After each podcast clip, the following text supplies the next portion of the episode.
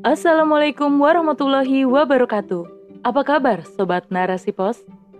Kali ini bersama saya Giriani di rubrik Opini. Narasipos.com Cerdas dalam literasi media, bijak menangkap peristiwa kunci.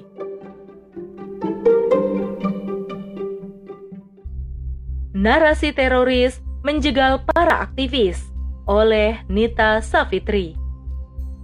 Miris, menjelang berakhirnya tahun 2021, rakyat masih disuguhi narasi teroris yang berakibat ditangkapnya sejumlah aktivis. Meski pandemi belum usai, tuduhan teroris selalu mengena kepada individu atau kelompok muslim. Narasi yang dipahami sebagai tindak kejahatan yang membahayakan masyarakat. Penangkapan tiga ulama di pertengahan November 2021 pun menjadi pamungkasnya. Ustadz Faris Okbah Ahmad Zain An-Najah, dan Anung Al-Hamad telah ditangkap dengan dugaan terorisme oleh Densus 88 anti teror Polri.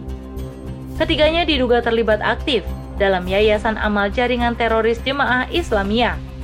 Keberadaan mereka sebagai pengurus dalam lembaga Amil Zakat Baitul Mal Abdurrahman bin Auf atau LAS BM ABA menjadi penguat dugaan tersebut Menurut Kepala Bagian Banops Densus 88, Kombes Aswin Siregar, ketiganya telah resmi ditahan selama 120 hari ke depan.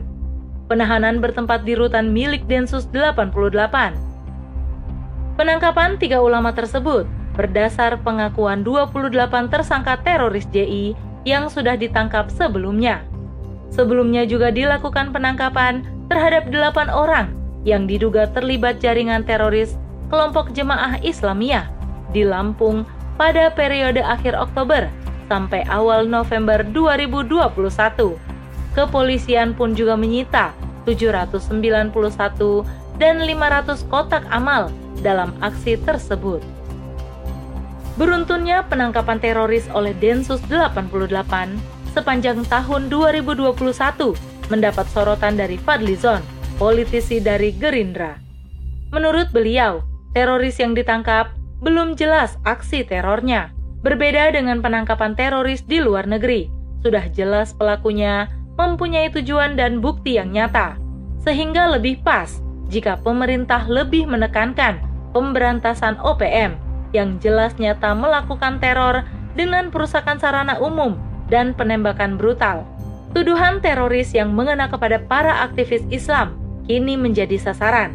Penangkapan tiga ulama yang mempunyai sepak terjang positif di masyarakat tentunya mengagetkan masyarakat. Tuduhan tentang masalah pendanaan maupun keanggotaan dari JI harus dibuktikan secara nyata dan benar, bukan dibuat-buat atau rekayasa.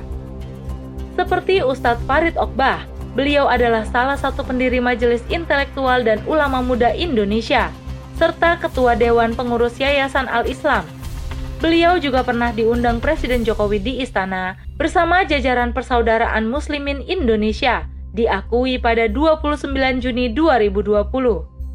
Isu terorisme mengemuka semenjak terjadinya pengeboman gedung WTC pada 11 September 2001. Pelaku pengeboman dituduh pada kelompok Al-Qaeda atau Jemaah Islamiyah. Presiden Amerika waktu itu menetapkan perang terhadap terorisme semua negara yang tidak mendukung program ini juga akan diperangi.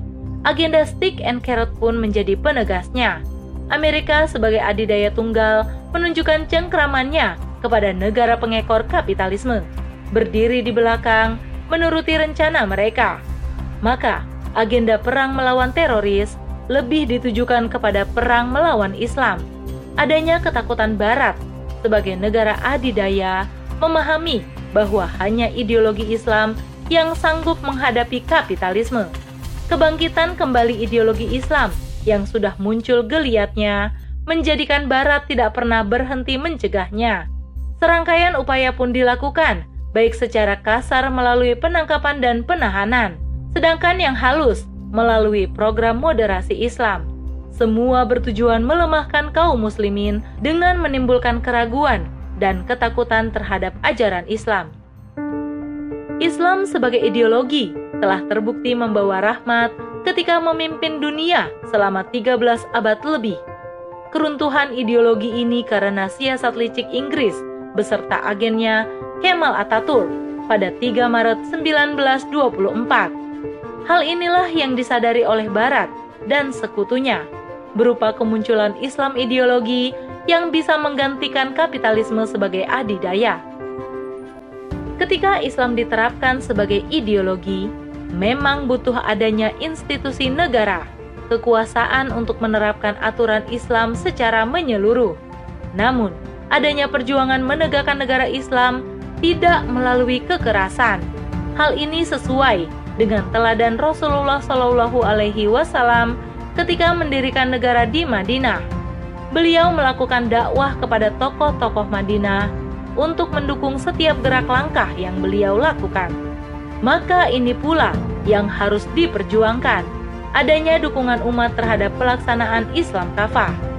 Kesadaran umat hanya muncul dengan adanya dakwah, mengubah pikiran dan perasaan dari yang semula kapitalisme sekuler menjadi Islam. Tidak hanya mengambil aturan Islam yang mengatur ibadah, tetapi juga aturan ekonomi, pendidikan, sosial, dan lain sebagainya. Umat juga harus cerdas menyikapi persoalan politik, tidak hanya dalam negeri, akan tetapi juga internasional.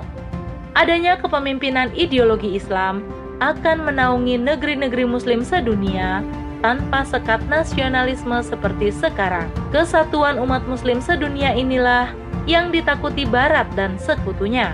Wallahu a'lam bishawab.